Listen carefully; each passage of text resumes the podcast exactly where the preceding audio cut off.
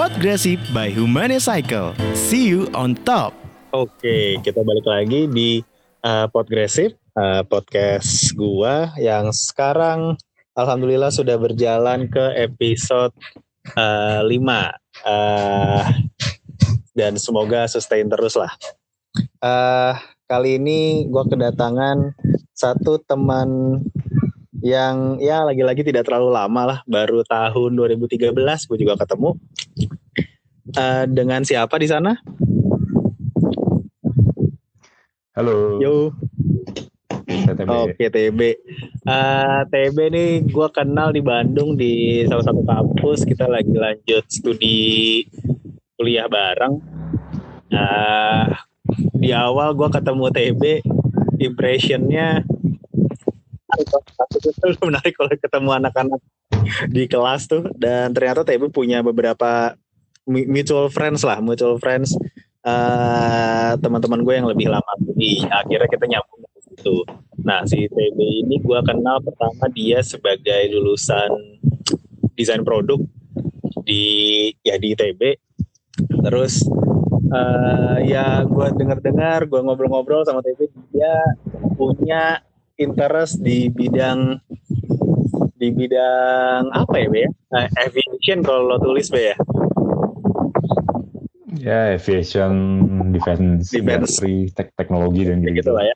Nah, Uh, gue selalu menarik tuh sama orang-orang yang yang yang punya interest di militer kayak gini. Uh, dari zaman gue SMP selalu ada di circle gue ada satu atau dua orang yang punya interest itu gitu. Yang langganannya tuh majalah angkasa ya, oh. Yoi. Lu langganan majalah itu gak, Be? Uh, dulu gue iya, dulu uh, langganan majalah angkasa. Uh, Oke oke. Itu Eh jadi gimana? gue eh sorry. Uh, jadi gue dulu langganan majalah angkasa. Terus sebelumnya lagi pun waktu gue kecil, kenapa gue suka sama isu militer, teknologi gitu-gitu juga karena bokap gue juga baca majalah angkasa. Gitu. Oh, menurun ya, Be. Jadi ya bisa bilang nular lah. Jadinya gue lebih lebih keranjingan lah dibanding bokap gue soal pesawat militer dan dan majalah angkasa dan lain-lain. Soalnya, ya apa ya? Sampai mi- majalah angkasa kemarin ah, angkasa udah masih ada nggak sih, Be? kemarin kan udah kan dikelola Kompas terus eh, bang apa nggak tahu bangkrut atau apa, tapi berhenti lah dia. Oh, dia berhenti ya untuk Eh, akhirnya diba- Berhenti. eh, dibalikin ke TNI AU lagi terus kemarin sempat ngeluarin lagi sih ngeluarin lagi satu episode Oh, gitu? tapi sebetulnya terbatas sih persebarannya gitu. Edisi Iya. apa be? Pas Mei kemarin ngebahas apa angkasa? Kalau kemarin ya general sih ngebahas apa eh, ya itu rencana-rencana dari si Kasaunya terus apa yang kemarin capaian apa F16 kan berhasil di maintain sama sama orang TNI AU dan Oh. PTDI dan lain-lain lah gitu. Itu ada itu juga macam-macam sih. Oh, General apa bahasannya. tapi nggak di isinya nggak dimonopoli sama tentang TNI TNI AU aja ya. Jadi worldwide lah ya. Soalnya angkasa kan setahu gue worldwide tuh bahasannya, Worldwide ya. Iya kan? Iya, ini bahas yang lain-lain juga sih. Iya, iya, iya, iya. Ya. Tapi ini lebih banyak ke militernya sih dibanding ke bahasan-bahasan penerbangan sipil gitu. Oke. Nah, eh, sebelum kita bahas lebih lanjut tentang militer, gue pengen ngebahas elunya dulu nih. Jadi kan eh, yang gue tahu lu tuh Siap. dulu eh, ya itu punya interest di military, terus TA lu juga tentang itu be ya. Ah, iya, betul. Nah, TA lu tentang itu, ta- terus eh, lu tuh juga pernah bergabung di salah satu company apa Laptek B, B ya? Iya, betul. Itu sebagai apa sana, Be? Ya. Gue di Labtech Indie dulu sebagai eh, macem-macem sih, sempat jadi kayak tim kreatif dulu. eh, ya mungkin kalau sekarang lebih dikenal kayak UI UX gitu ya. Oh, dia lagi Dulu masih sebutnya ya, mungkin tim ya kreatif atau sekarang. apa. Heeh. Ya, sempat juga jadi kayak semacam apa manajer produksi, cuman istilahnya apa eh, Scrum Master gue pun juga udah lupa. Lama banget. Ah, udah lama banget ya. Macem-macem sih gue ngerja apa eh, ditugasin macem-macem sih. Terus sekarang tahun gue di sana. sekarang bekerja di salah satu perusahaan yang bergerak di bidang eh, pener- penerbangan apa sarana penerbangan ya, Be? ya katakanlah eh, memproduksi ya sarana transportasinya itulah. Sarana transportasinya ya. sarana, sarana transportasi udara itulah. di, di sana udah berapa lama? Ya gampangnya buat ngebuat gue di perusahaan ini sekarang kan uh, gue masuk 2015 sekarang berarti udah tahun hampir tahun kelima wah lumayan ya sebagai apa sih di sana Be? iya udah lumayan gue di sana sebagai uh, desain engineer uh, spesifiknya desain engineer di interior pesawat gue oh spesifik di interiornya berarti be Ya, gue interior pesawat gue. Uh, lebih spesifik ke situ sih. Wah, ini menarik sih. Nah, uh, Ya. lagi sebelum ke sana, kalau misalnya nih Bego sebenarnya agak hmm. agak sebel juga sama istilah bukan istilah ya. Sekarang tuh kan orang uh, kalau kenalan harus ditanya lu tuh apa sih gitu ya, pakai label gitu. Nah, lu kan udah yeah, yeah. udah udah udah menjadi profesional sejak lama lah gitu. Uh, kalau lo ditanya hmm. label lo, lo memilih label lo sebagai apa? Be? Designer, engineer, researcher, Betul, itu itu yang gue kalau sekarang sih gue mungkin lebih banyak nyebut gue uh, ya sesuai label gue di kantor ya desain engineer sih lebih tepatnya itu sih mungkin. Desainer ya? Iya, industri uh, desain engineer. Desain apa engineer. ada karena gue ngurusin teknis juga jadi makanya mungkin disebutnya engineer juga desain engineer lah. Akhirnya jadi engineer nih. Bukan jadi musisi. Iya, karena gue disebut kan Enggak. Karena gue uh, kan gue sebelum desain produk kan hmm. uh, kerjaan gue di kantor sebenarnya juga nggak desain desain produk banget gitu yeah. ke arah engineering juga jadi uh, nanti kita bahas lah. ya, ya, ya, ya. Nah uh, soalnya kenapa gue tertarik nge ngundang lo ke sini uh, sebenarnya uh. juga ada penasaran sama militer tapi secara industri gitu. Uh, kayaknya gue tepat lah ngundang. Oh iya iya. Nah, yang gue tahu nih Be ya di wacana apa pewacanaan yeah. si military industri ini kan ini salah satu industri yang hmm. Hmm. yang dari zaman dulu sampai sekarang tuh subsidi dari negaranya hmm. pernah turun kan Be? Hmm, ya kurang lebih selalu gitu. ada support banyak gitu. Banyak dukungan pemerintah lah. Banyak dukungan iya, banget. Ya, ya, ya kalau pangan naik turun, ya. minyak naik turun. Nah ini militer tuh dia konsisten selalu jadi hmm. jadi bisa dibilang jadi prioritas si negara lah dan selalu yang support hmm. kan negara itu uh, yeah. sepenting apa be emang be si militer itu terhadap terhadap negara terhadap negara gitu ya. Hmm. uh, jadi kalau bicara soal itu kita harus nge-track back balik, balik dulu ya ke mungkin ke kebijakan politik kita gitu. Uh, jadi kebijakan politik kita kan uh, ini oh yang mungkin buat pendengar gue uh, gue sebetulnya bukan ahli juga gue yeah, baru iya. lima tahun kan uh, masih junior engineer lah. Uh, uh, mungkin gue pernah uh, waktu tesis gue pernah ngebahas itu jadi gue mungkin uh, ngebahas dari yang gue tahu aja ya ya subjektif aja deh nggak apa-apa uh, oke okay, sip jadi awalnya dulu kan uh, ya negara kita kan uh, itu ya bisa bilang kan politik uh, non blok bebas aktif dan sebagainya gitu kan ya Ya. Jadi arahnya kita kan sebetulnya kan uh, apa mandiri kan ya, kemandirian gitu. Kita nggak kita nggak bergantung pada blok uh, sekutu dengan barat ataupun timur harusnya gitu ya. Harusnya. Nah jadi harusnya. Nah jadi uh, dari kemandirian gitu kan uh, makanya kebutuhan untuk bisa menyuplai sendiri ke, apa uh, teknologi pertahanan tuh itu jadi kayak keharusan sebetulnya harusnya gitu. Uh. Uh, karena itu uh, industri pertahanan tuh dibuat tuh sebetulnya untuk itu itu sebagai apa ya implementasi dari kebijakan politik sebetulnya gitu sih. Oh. Sebenarnya kalau kita idealnya kayak gitu ya idealnya, tapi mungkin keberjalanannya memang masih apa ya uh, banyak kendala jadi uh, belum bisa disuplai sepenuhnya oleh uh, Fulama Indonesia gitu ya. Iya belum basic uh, berpikir kayak gitu sih. Oke. Okay. Ya. Kalau bicara worldwide-nya, Be, sedunia ini, eh, yeah. bukan sebenarnya bukan yeah. negara-negara non-blok aja kan yang punya kepentingan sama industri militernya gitu. Hampir seluruh negara pun uh, militer pun jadi dominasi uh, subsidinya gitu. Itu itu uh, yeah. kalau ya generalnya kenapa emang, Be? Kenapa nggak kemanusiaannya? Kenapa nggak environmentnya?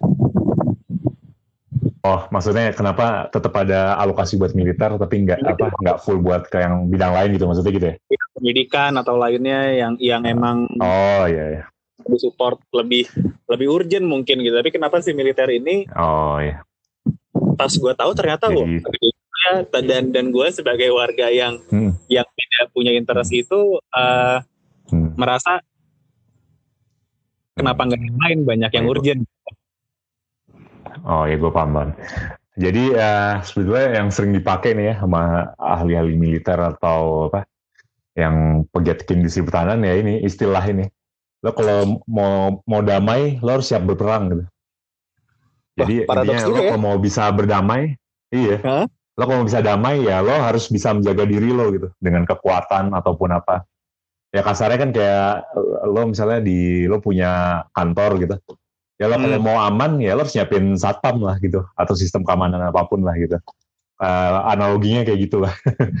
Karena defense ya kenyataannya eh, kenyataannya di dunia kan maksudnya eh, ya ya gue bisa bisa bilang masih berlaku hukum rimba gitu siapa yang kuat dia dia masih kecenderungan untuk menindas yang lemah intinya gitu Eh, jadi untuk untuk tidak mau apa supaya kita nggak ditindas ya harus ada ke- tiap negara pasti mempunyai keamanan apa pertahanan dan keamanannya gitu. Baik berupa teknologi orang dan sebagainya gitu. Kayak Oh, gitu sih. Iya iya iya, iya. gua gue jadi cukup mengerti sih. Dan itu itu cukup dasar sih untuk bisa relate ke banyak orang sebenarnya. Hmm, iya. Eh, kan itu jadi sebenarnya jadi kebutuhan dasar kan. Kita nggak bisa kan eh, bikin apa eh, lakukan aktivitas pendidikan ekonomi dan sebagainya kalau nggak aman terus apa dijajah dan sebagainya. Gitu kan sesimpel itu sih sebenarnya. ah, sekarang kita bisa bikin podcast bisa bikin apa bikin usaha bisa ngajar itu kan karena situasinya aman gitu kan kurang lebih seperti itu iya iya iya iya iya. makanya Menhan Nah. tuh jadi jabatan yang yang yang strategis sebenarnya ya.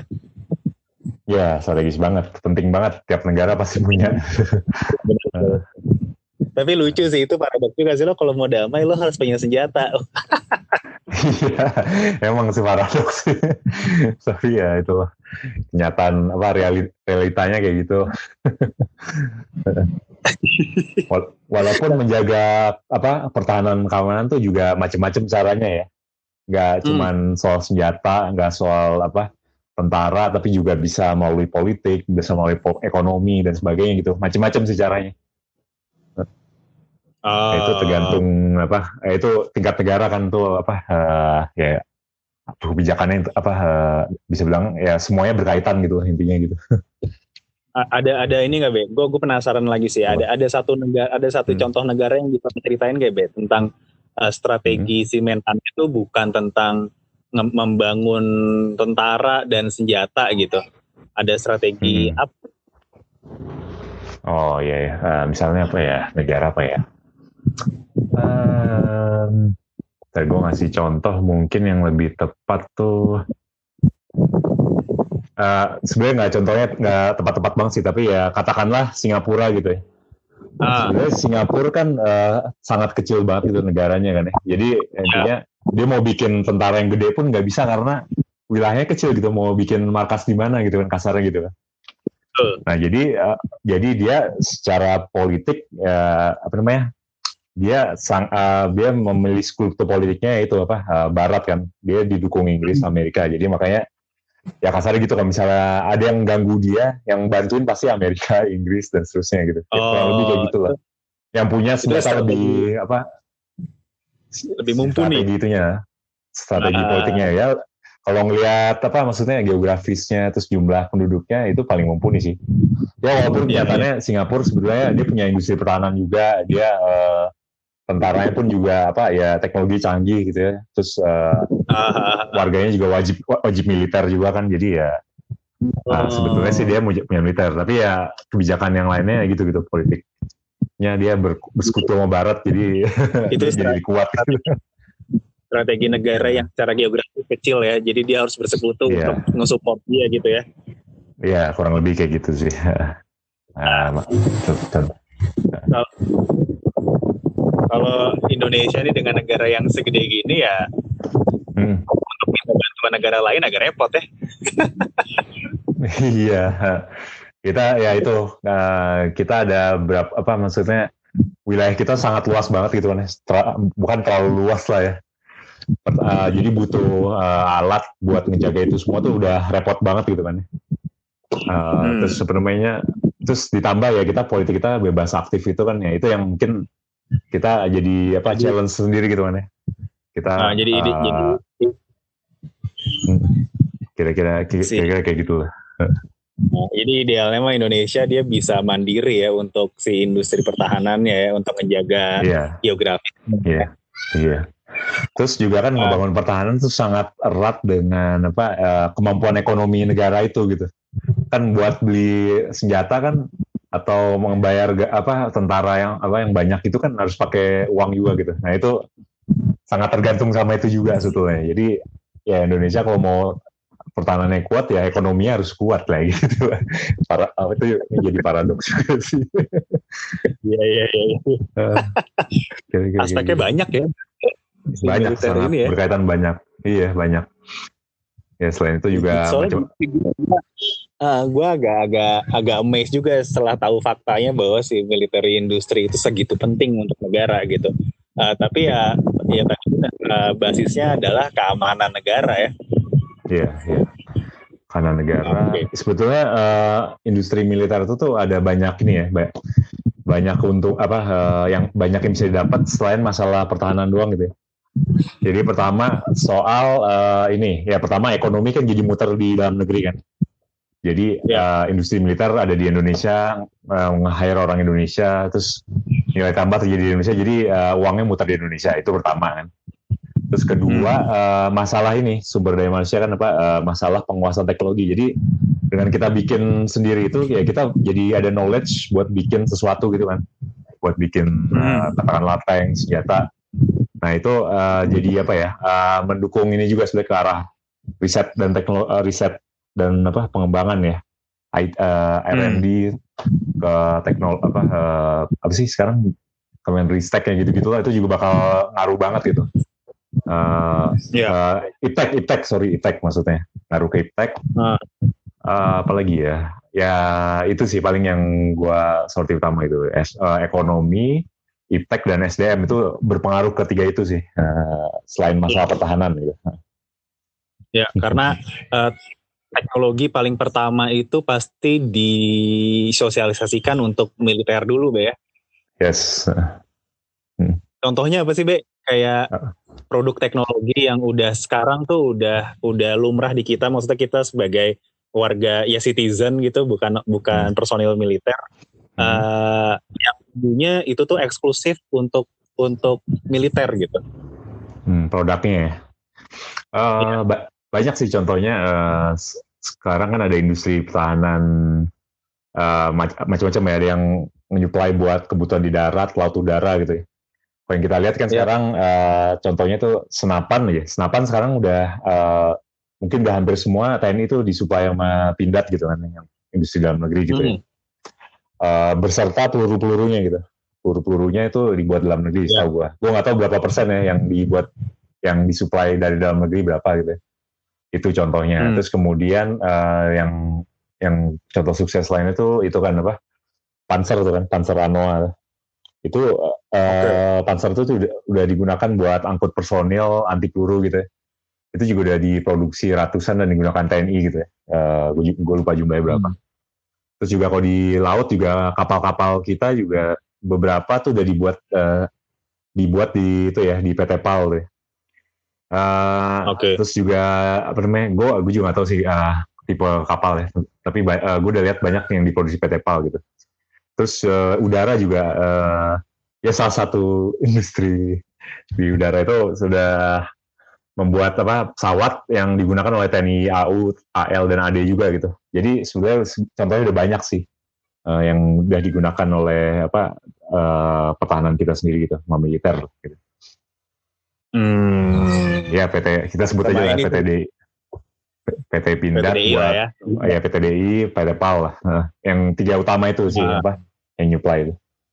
Oke. Dan itu semua milik negara. Ada yang swasta nggak sih, Be? Industri Eh, senjata tuh? Ada. Jadi eh, sebetulnya yang Oh, ada? ada ada. Jadi untuk eh, apa teknologi-teknologi yang strategis tuh kayak pesawat, terus eh, senjata, sama kapal yang gede-gede itu biasanya disuplai sama BUMN ya, PT DIP pindah sama PAL gitu. Nah, industri swasta Oh. sebenarnya diharapkan tuh jadi subkonnya sih sebenarnya.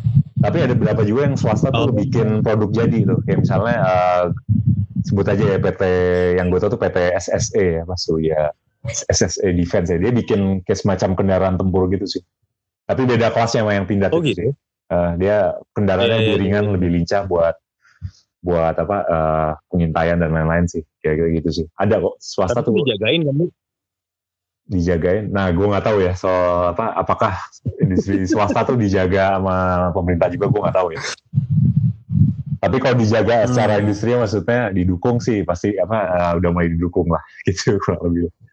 Tapi kalau menjaga Iya, secara iya, iya. keamanan gue nggak tahu ya. Tanggung jawab masing-masing atau itu gue nggak tahu. Soalnya tahu jawab yang, yang gede banget itu apa eh, memproduksi senjata. Ya kali kalau misalnya swasta nggak dijagain ya serem juga sebenarnya Serem kan. juga, iya. Tapi emang ada peraturannya sih, kayak misalnya kayak eh, senjata, misalnya kayak senjata api itu kalau nggak salah nggak boleh di- diproduksi sama swasta gitu, harus negara. Nah itu paling yang boleh diproduksi sama swastanya tuh aksesorisnya paling kayak gitu. Kira-kira kayak gitu lah. Ya ya. ya. Eh. Ya walaupun negara juga harus diawasi lagi sih. Kalau saya enaknya juga kan serem juga. Tapi Iya, paling enggak iya. ya kita mau percaya sama lagi kalau bukan sama negara. Iya, iya. Nah itu ada sistem ininya lah, auditnya dan sebagainya gitu-gitu. Iya, Ada pasti. sendiri. Pasti. Yoi. Ah.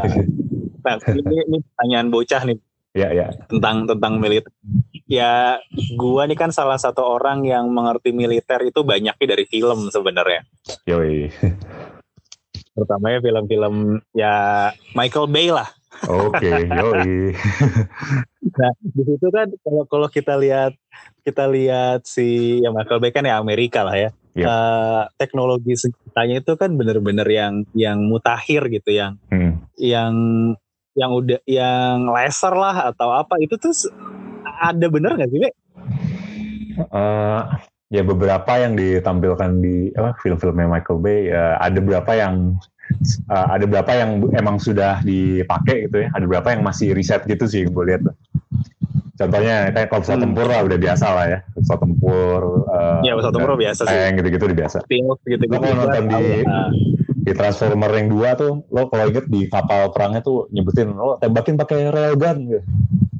Ah, Oke siap nah, tembak. ah, Nah, railgun tuh uh, gue nggak tahu udah diaplikasikan atau belum, tapi yang gue tahu tuh dia masih di riset sih, masih di apa?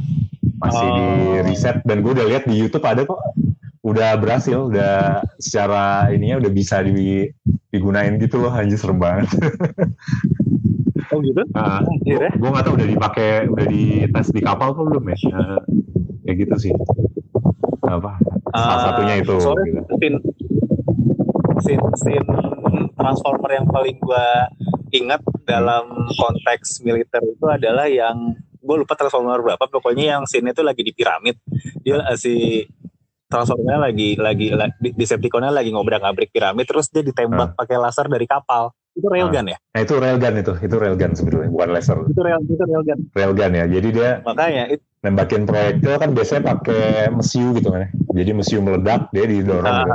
Nah kalau ini pakai ini pakai elektromagnetit kayak jadi kayak dilempar pakai magnet gitu, kenceng banget gitu. itu teknologi kayak gitu. gila Jadi ya. dia bisa itu berarti udah udah udah udah ada. Ah. Nah, udah diuji dan Udah, udah, apa eh, sudah berhasil gitu ujian pengujiannya gitu. Serem deh lo, lo lihat cari di YouTube Ah. railgun test tuh ada. dan itu yang yang punya Amerika ya gue gak tahu yang riset itu tuh ya mungkin ya eh, apa per- eh, Menteri Pertahanan Amerika ya Kementerian Pertahanan Amerika mungkin dibantu sama perusahaan-perusahaan seluruh dunia gitu lah mungkin gue gak tahu lah itu.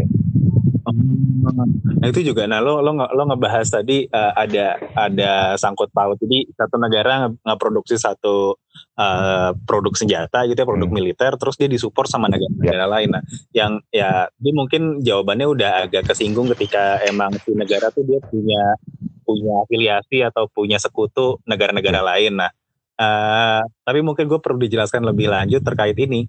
Eh, si harus menurut gua nih ya lagi-lagi Ya. awam nih ya eh, si si produk-produk Hmm. militer itu kan harusnya bukannya eksklusif dimiliki oleh satu negara dan dia sebaiknya tidak disebarluaskan ya uh, kerahasiaannya gitu loh. Uh, negara ini sudah sejauh apa, negara itu sudah sejauh apa.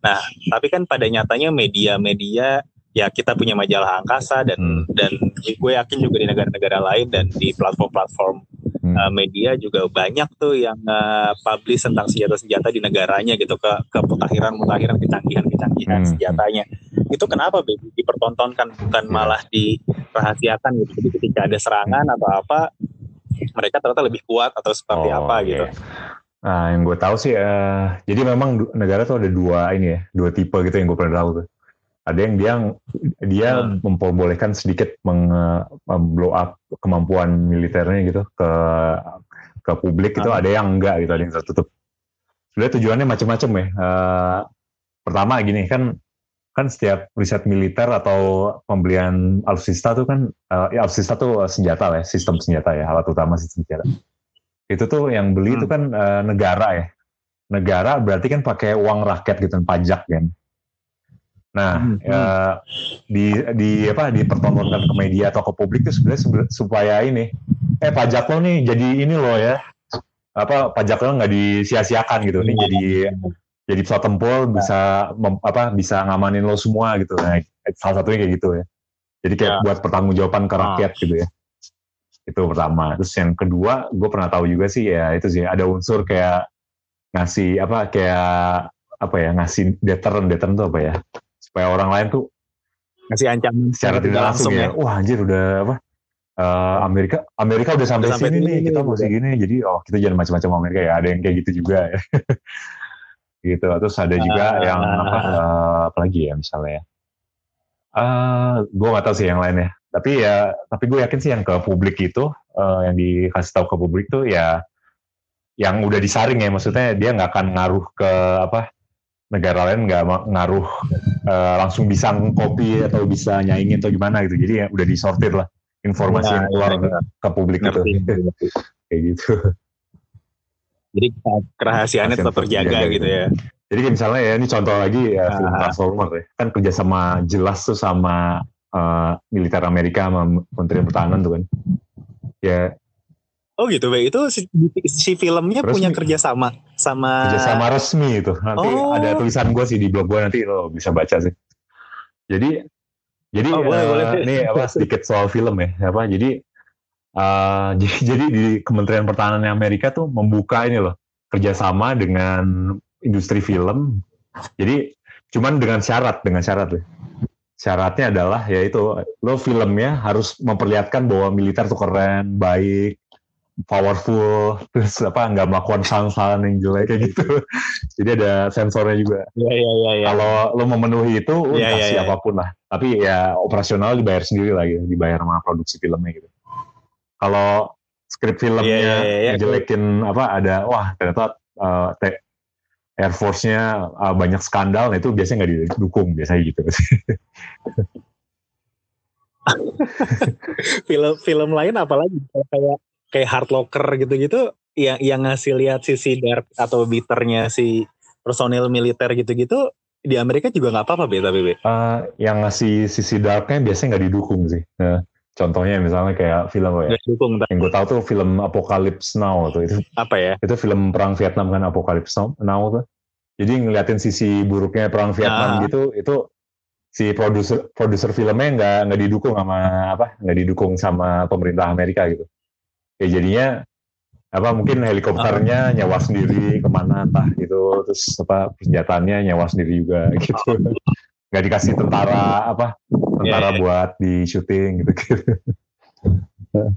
Ya, ya, ya. Menarik soalnya menariknya film-film uh, militer Amerika itu dia terlihat ya satu terli, uh, terlihat propagandis sekali dengan dengan kemewahan dan kecanggihan teknologinya dan juga dia di sisi lain dia juga ada beberapa film yang masih tahu tentara tentara di sana juga ya tidak manusiawi lah atau apa gitu kan dengan dengan dengan cara-cara dia uh, bekerja gitu loh. Yeah, yeah. dan itu sama negaranya mah diperbolehkan. Diper, diperbolehkan ya malah didukung. Nah, iya didukung.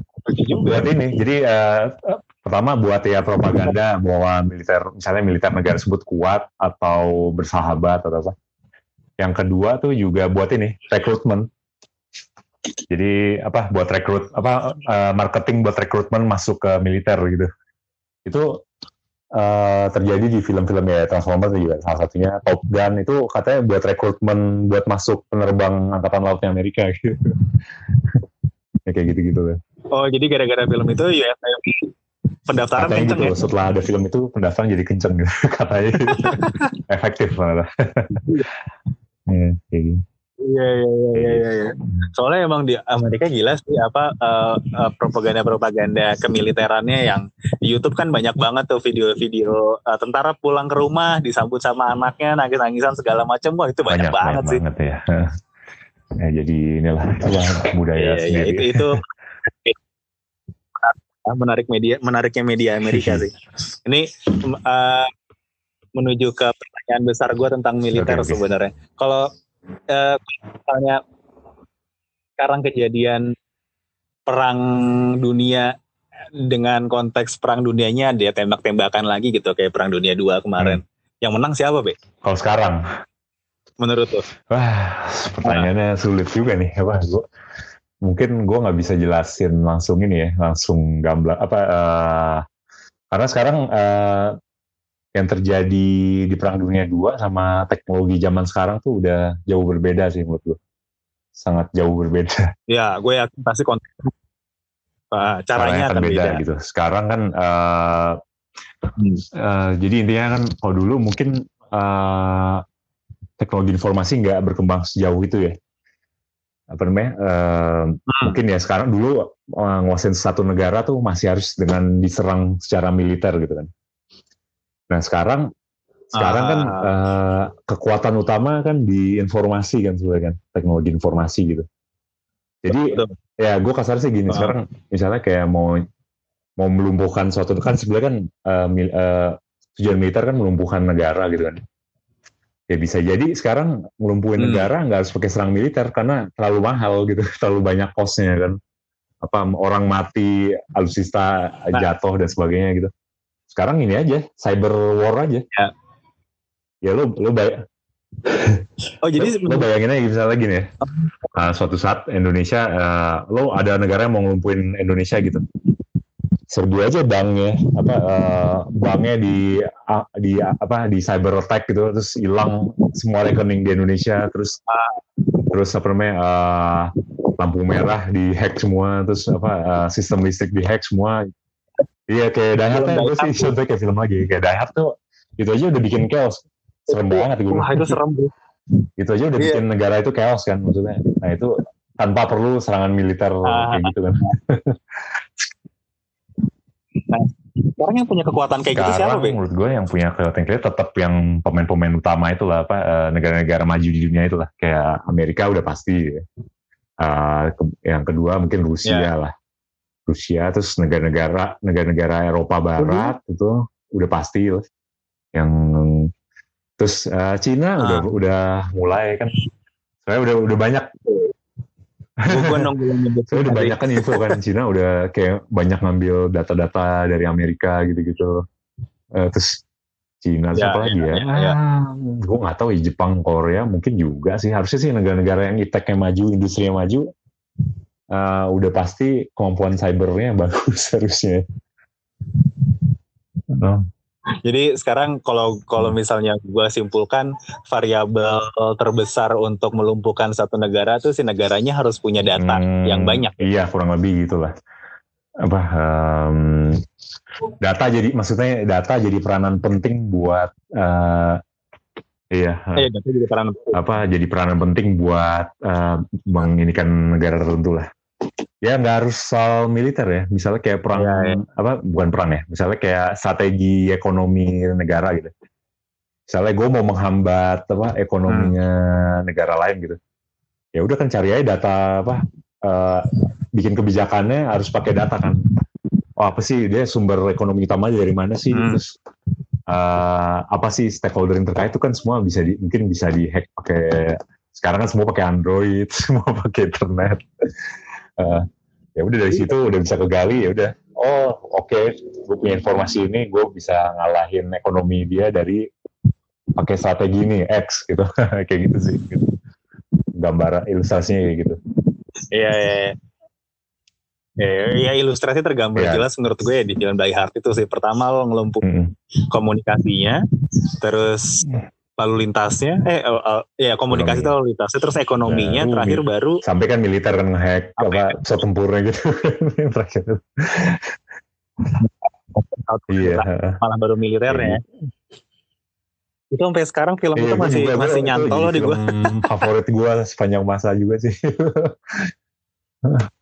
Iya, maksudnya dia dia nggak nggak ngeliatin banyak, Hmm. nggak nggak kayak Transformer gitu, bal, bumba, apa, Iya, iya. kembang api gitu, fireworks gitu. Ini, wah, dia dia ngasih tahu tiga elemen utama dari negara, terus iya itu hancur itu gitu serem banget sih kalau lo resapi lebih jauh gitu Di film itu tuh sebenarnya ngeliatin apa betapa mengerikannya cyber itu ya cyber terrorism gitu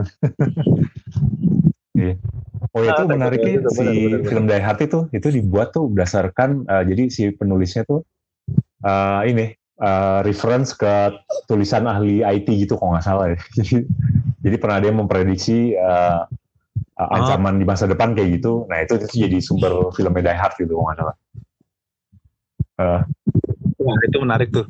Itu tulisannya Nah, tulisannya udah apa lama tulisan baru ya? tahun 2008 mungkin tulisannya tuh gue lupa tahun 2005 2001 gue lupa. Iya, sampai relevan sekarang masih banget relevan ya. banget ya. serem Ya, maksudnya nggak usah eh, nggak nggak usah jauh-jauh kayak kayak film-film sci-fi Iya. sci-fi gitu loh. Itu Betul, deket, banget soalnya itu, real banget. dekat sekali contoh film Terus Indonesia bisa apa, Be? Kalau kayak gitu. ya apa ya eh, apa nih nanggepin apa maksudnya meng, meng itu soal cyber terrorism itu yang gue tahu nih ya, Iya. ini yang gue tahu ya dari ikut seminar beberapa kali gitu ya. Iya. Ah, ya kebetulan alhamdulillah sih si apa maksudnya pemangku kepentingan pertahanan sudah aware soal cyber terrorism gitu ya.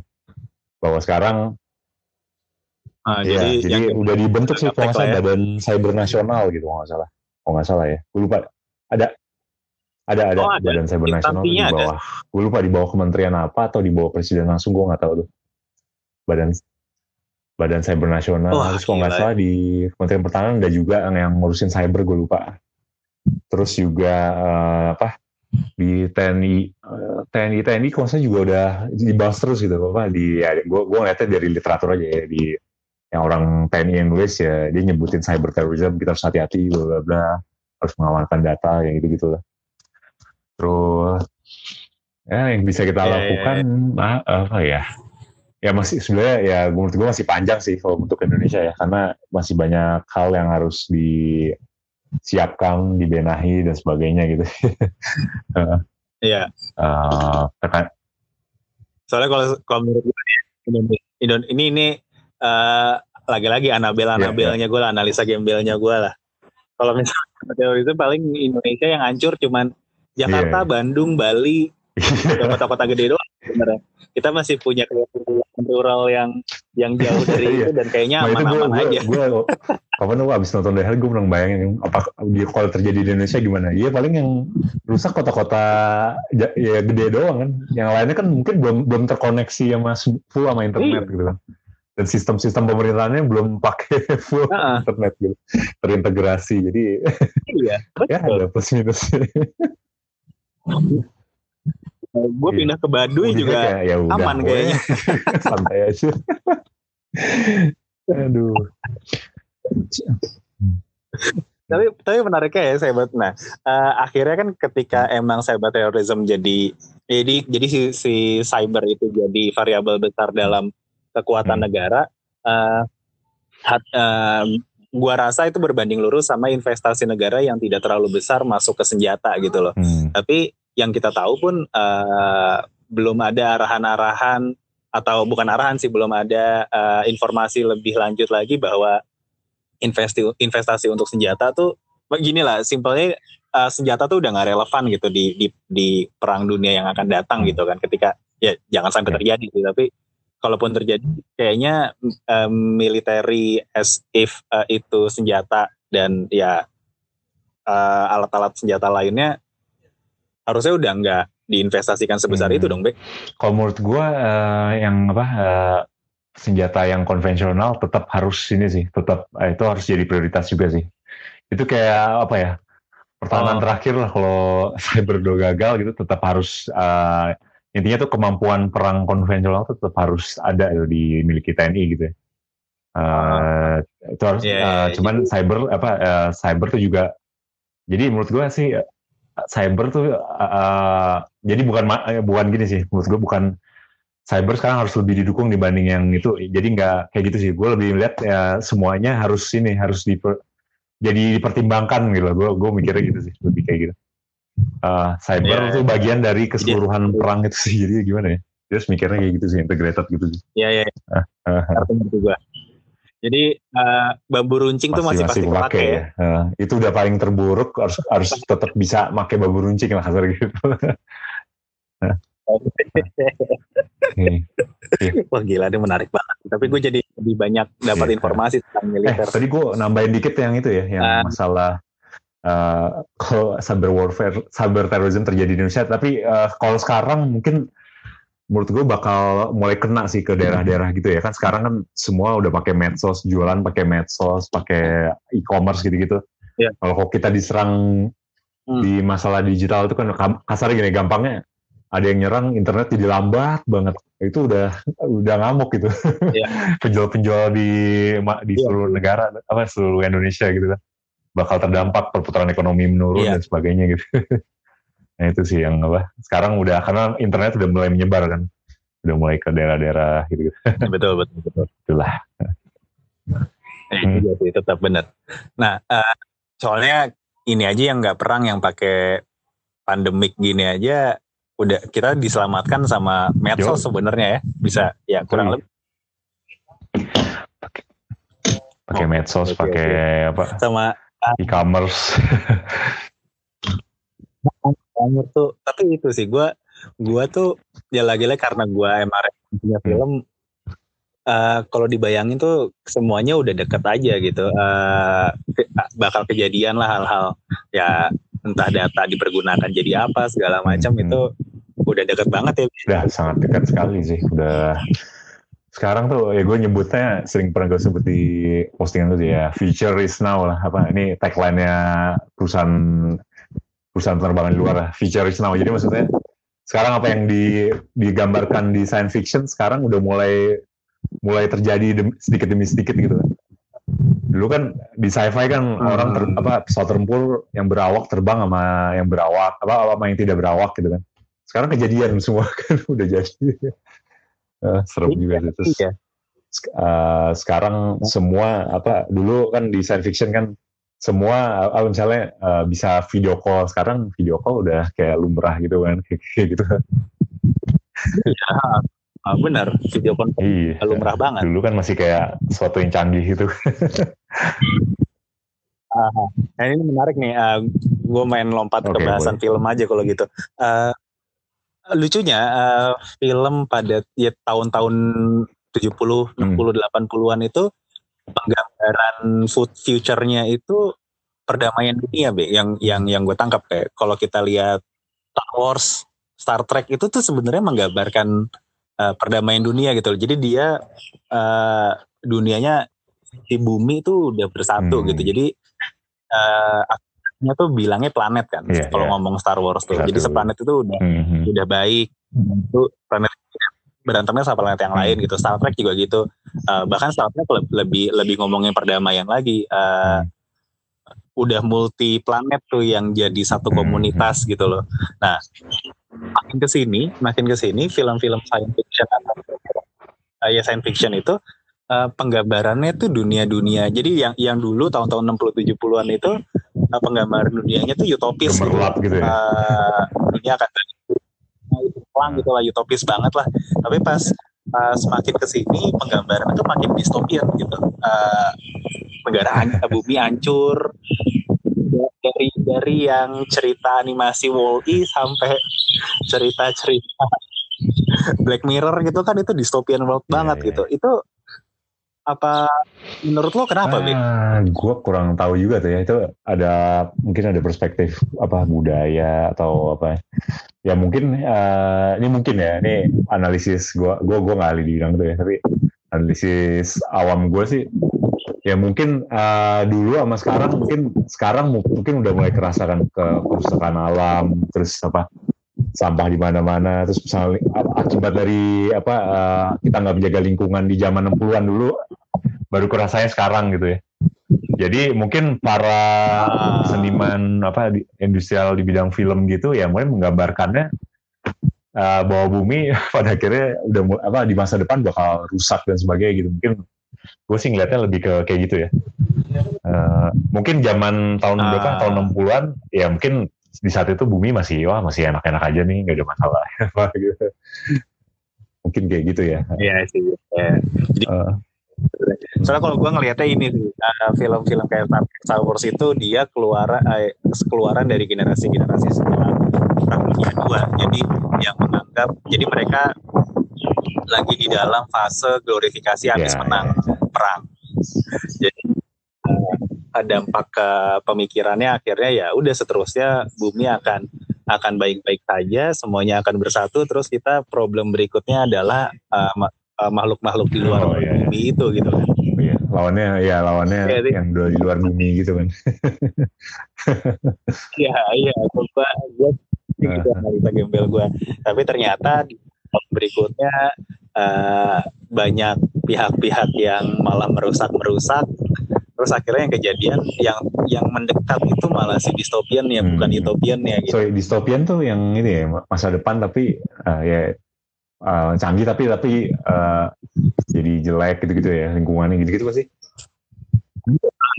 Oh, ya lawan utopis kalau utopian oh, itu kan oh, ya iya. surga lah gitu semuanya ideal gitu-gitu tapi kalau distopian tuh film distopian yang yang yang mungkin bisa apa? Max tuh yang dystopian apa? tuh. Judulnya?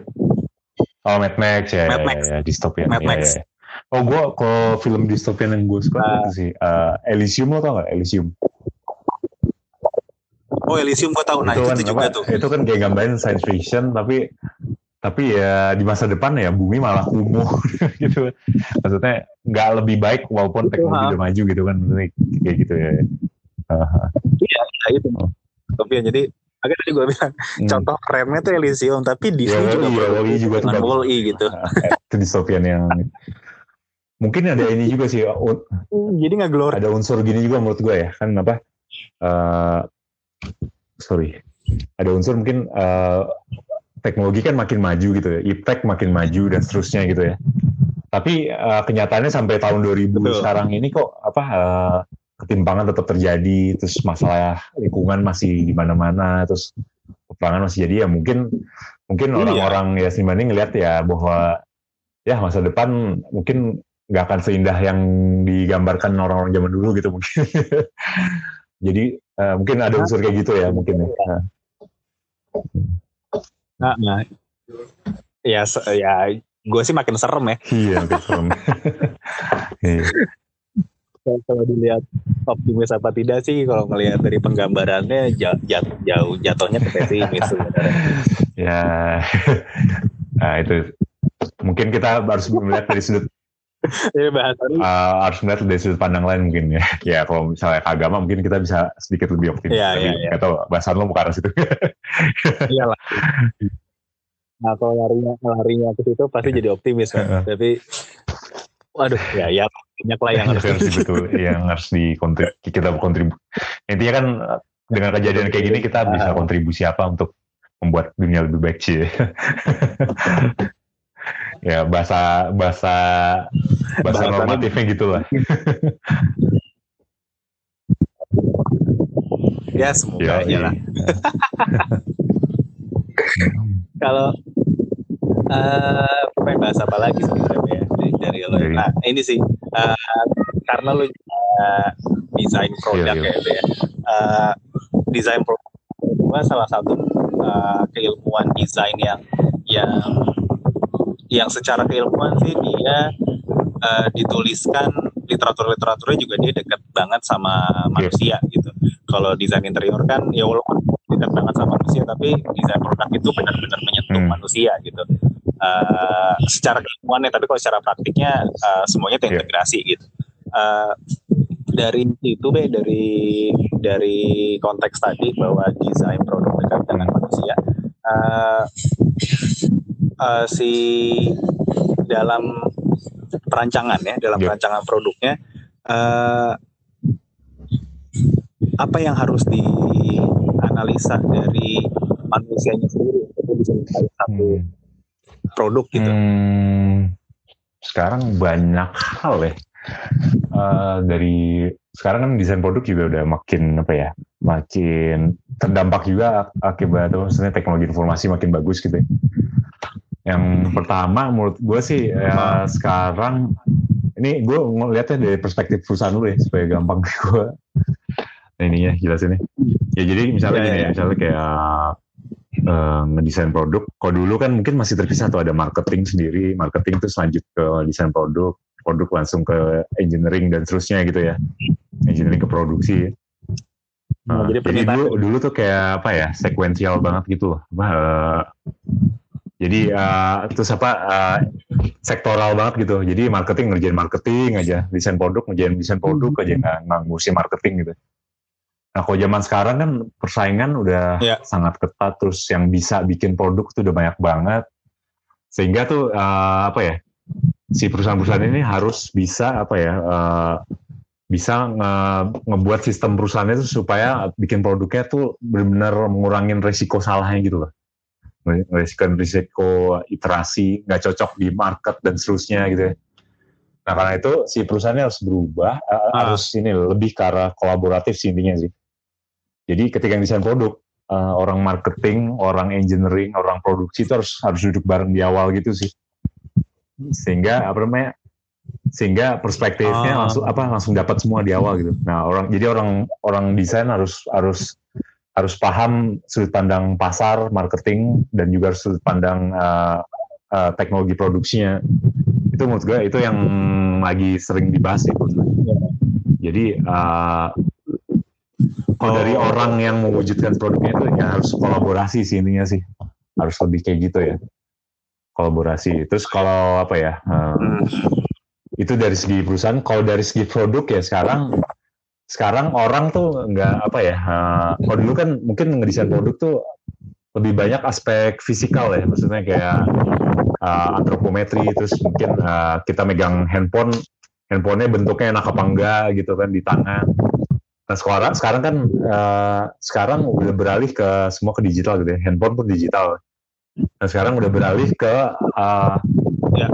bagaimana eh, apa namanya hubungan manusia, eh, apa hubungan orang dengan platform digital ini. Makanya ada UI UX dan sebagainya itu kan.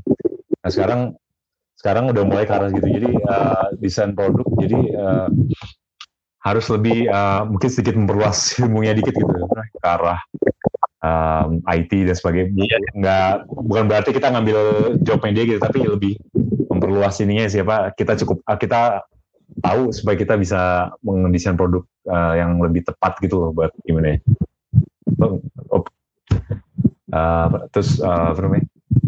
Itu gue juga pernah baca juga sih. Jadi kayak sekarang industrial desain produk tuh mungkin uh, akan mulai bahkan udah bilang akan mulai punah gitu. iya, bahkan sampai kayak gitu sih. Jadi ada Oh, gitu sebagian ya? yang berpendapat gitu. Jadi mungkin harus memperluas jadi lebih ke teknologi desain ya apa ada yang berpendapat kayak gitu ya. Karena karena ketika ngedesain handphone kan kita nggak Ah. cuman casingnya doang kan. Jadi harus mikir keseluruhannya gitu loh. Ya, mikirin interaksi software digitalnya dan seterusnya gitu loh. Betul. Dan juga apa Betul. apa namanya eh, sistem kayak apa namanya misalnya eh, apa di cloudnya gitu kan login, logout lo bisa menyimpan data di cloud di mana, caranya di mana gitu gitulah sistem sistem yang dipikirin nih gitu. Gak hanya fisiknya lagi. Ya. Nah, terlihat nah, nah, terlihat jelas di Yes. produknya Apple lah ya. Dia bisa bisa besar Iya. kayak gitu kan karena dia memikirkan audiensnya gitu bukan kecanggihannya aja kan kalau pada zaman itu kan IBM sebenarnya lebih canggih tapi orang yang bisa pakai IBM iya, tuh iya. harus pelatihan Nah, dulu itu lah harus Apple apa tuh dulu. contoh Tapi Apple dengan Apple tuh contoh yang bagus banget tuh menurut gue. Apa jadi kan ketika orang ketika industri waktu itu kan uh, bikin uh, platform buat muter musik. Nah Apple udah selangkah lebih lebih maju untuk bikin platform apa sih yang bikin yang di masa depan tuh bakal cocok buat apa uh, menggunakan musiknya gitu kan makanya dibuat iTunes gitu kan apa jadi orang sekarang hmm. nggak beli CD iya, makanya, terus uh, di copy ke komputer terus dimasukin ke apa ke handphone gitu kan. Tapi langsung aja akses ke iTunes gitu. Iya. apa itu ngubah landscape uh, apa industri musik kan jadi kan, industri digital dan sebagainya itu. Nah.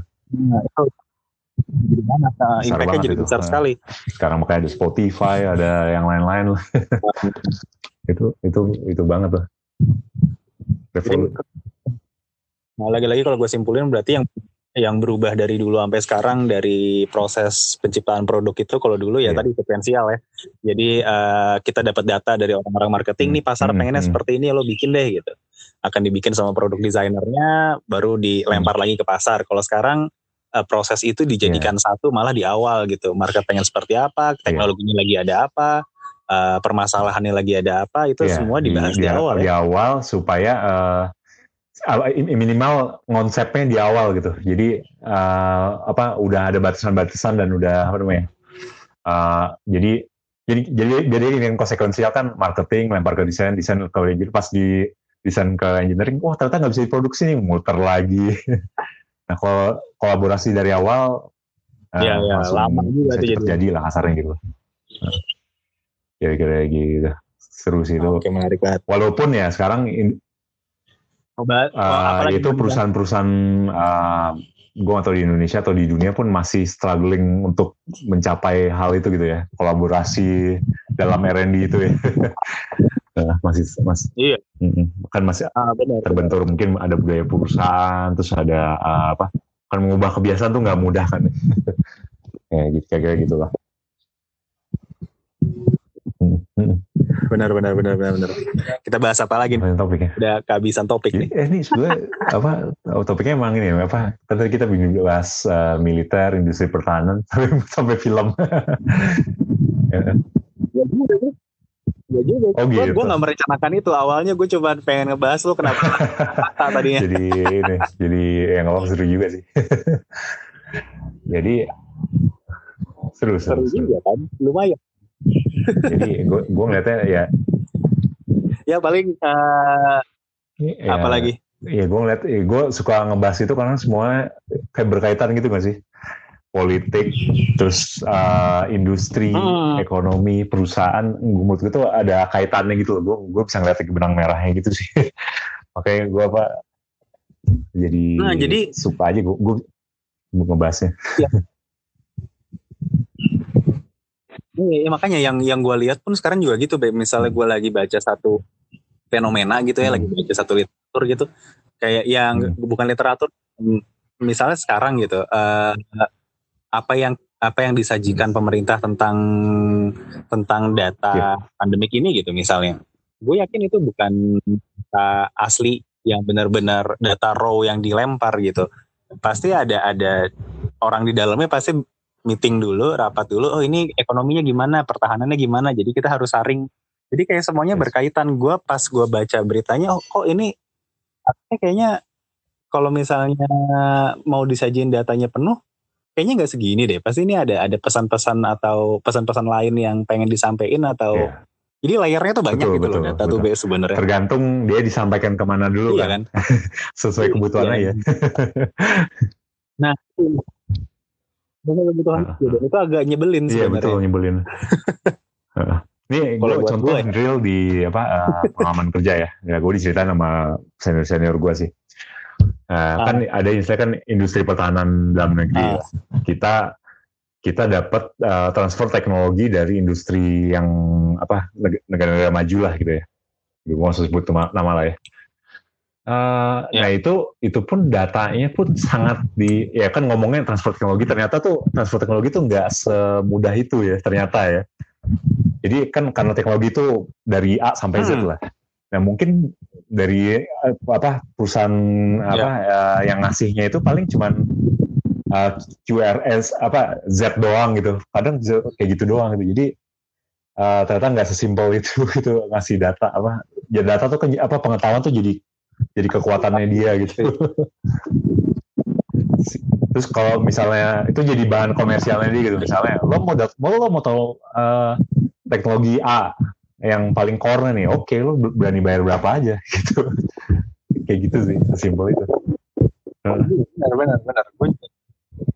Karena uh, uh, hmm. informasi itu uh, satu hal jadi informasi yes. itu perjalanannya panjang. Jadi kita hmm. pertama dapat data mentah yes. data itu harus diolah ketika jadi olah yeah. itu namanya baru jadi pengetahuan ketika jadi pengetahuan kalau misalnya informasi harus diolah lagi untuk siapa informasinya barulah yes, itu jadi betul, informasi betul. itu loh maksud gue jadi ketika gue dapat dari satu berita ini gue yakin sebenarnya nggak cuma ini pengetahuannya atau yeah, data yeah, betul, awalnya betul. gitu loh ya, ya di luar kapasitas jelaskan ya tapi gue men selalu menyisakan Tanda menyisakan sedikit keraguan nah, lah betul, dari informasi betul itu. betul. gitu. emang harus kritis ya kayak misalnya iya sih kalau mentah-mentah kita celaka ya betul. Hancur kita.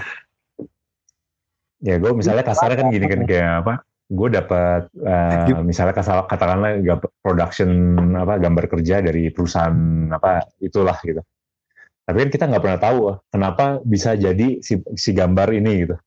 Nah kita nggak pernah dikasih tahu. Nah itu nah itu apa kayak hmm. knowledge apa knowledge itu kan nggak pernah dikasih tahu segamblang itu kan.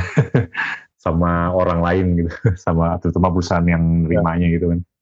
Ya kira-kira ilustrasinya kayak gitulah. Nah. oh, iya, terus kalau kasusnya mungkin covid Wah, ya. kasusnya COVID itu ya mungkin ya nggak semua informasi di share karena ya mungkin kalau orang kayak gua orang awam kayak gua nerima mungkin bisa salah persepsi gitu kan. Wah terus jadi panik jadi jadi jadi persepsi gua ke pemerintah betul, jadi jelek misalnya gitu dan sebagainya lah. Jadi kurang lebih kayak gitu ya uh, itu udah memang menurut gue tuh udah realitas. Sih apa yang ada di TV tuh belum tentu yang semuanya terjadi. Uh, benar benar. Wah kita udah iya. sejaman Gak lebih terasa, nih iya. Gak kerasa juga. Oke Gue paling kayak gitu dulu, Pe. Thank you banget nih udah siap, mau gue undang ke sini. Uh, eh, gue pasti akan ngehubungin okay, lo lagi di season-season berikutnya. Karnya ya teman-teman gue itu, itu aja. Boleh, boleh. Kita akan bahas yang lain. gue kalau mau lo, lagi. Gue sempat ya, Ya. Gue sempat ngebaca blog-blog lo tulisannya soalnya variatif sekali gitu dari yang receh jok-jok sampai yang yang cukup player gitu. Iya ya dulu gue emang awalnya buat jokes apa buat blog tuh buat nyampein ide apa pun gitu lah. Termasuk jokes ya. Cuman akhir-akhir ini ide soal jokes gue mulai ya. mulai menipis. Jadi gue menulis yang serius-serius. Yes karena udah jadi bapak ya berpengaruh ya. Bapak kerja di korporat. Gitu. Uh, Iya, gue juga thank you banget nih. Oke, thank you Senang ya. bertukar pikiran. Datang ke sini. Uh, iya. Iya. Sukses okay. progress, progress Thank you, okay. Bye.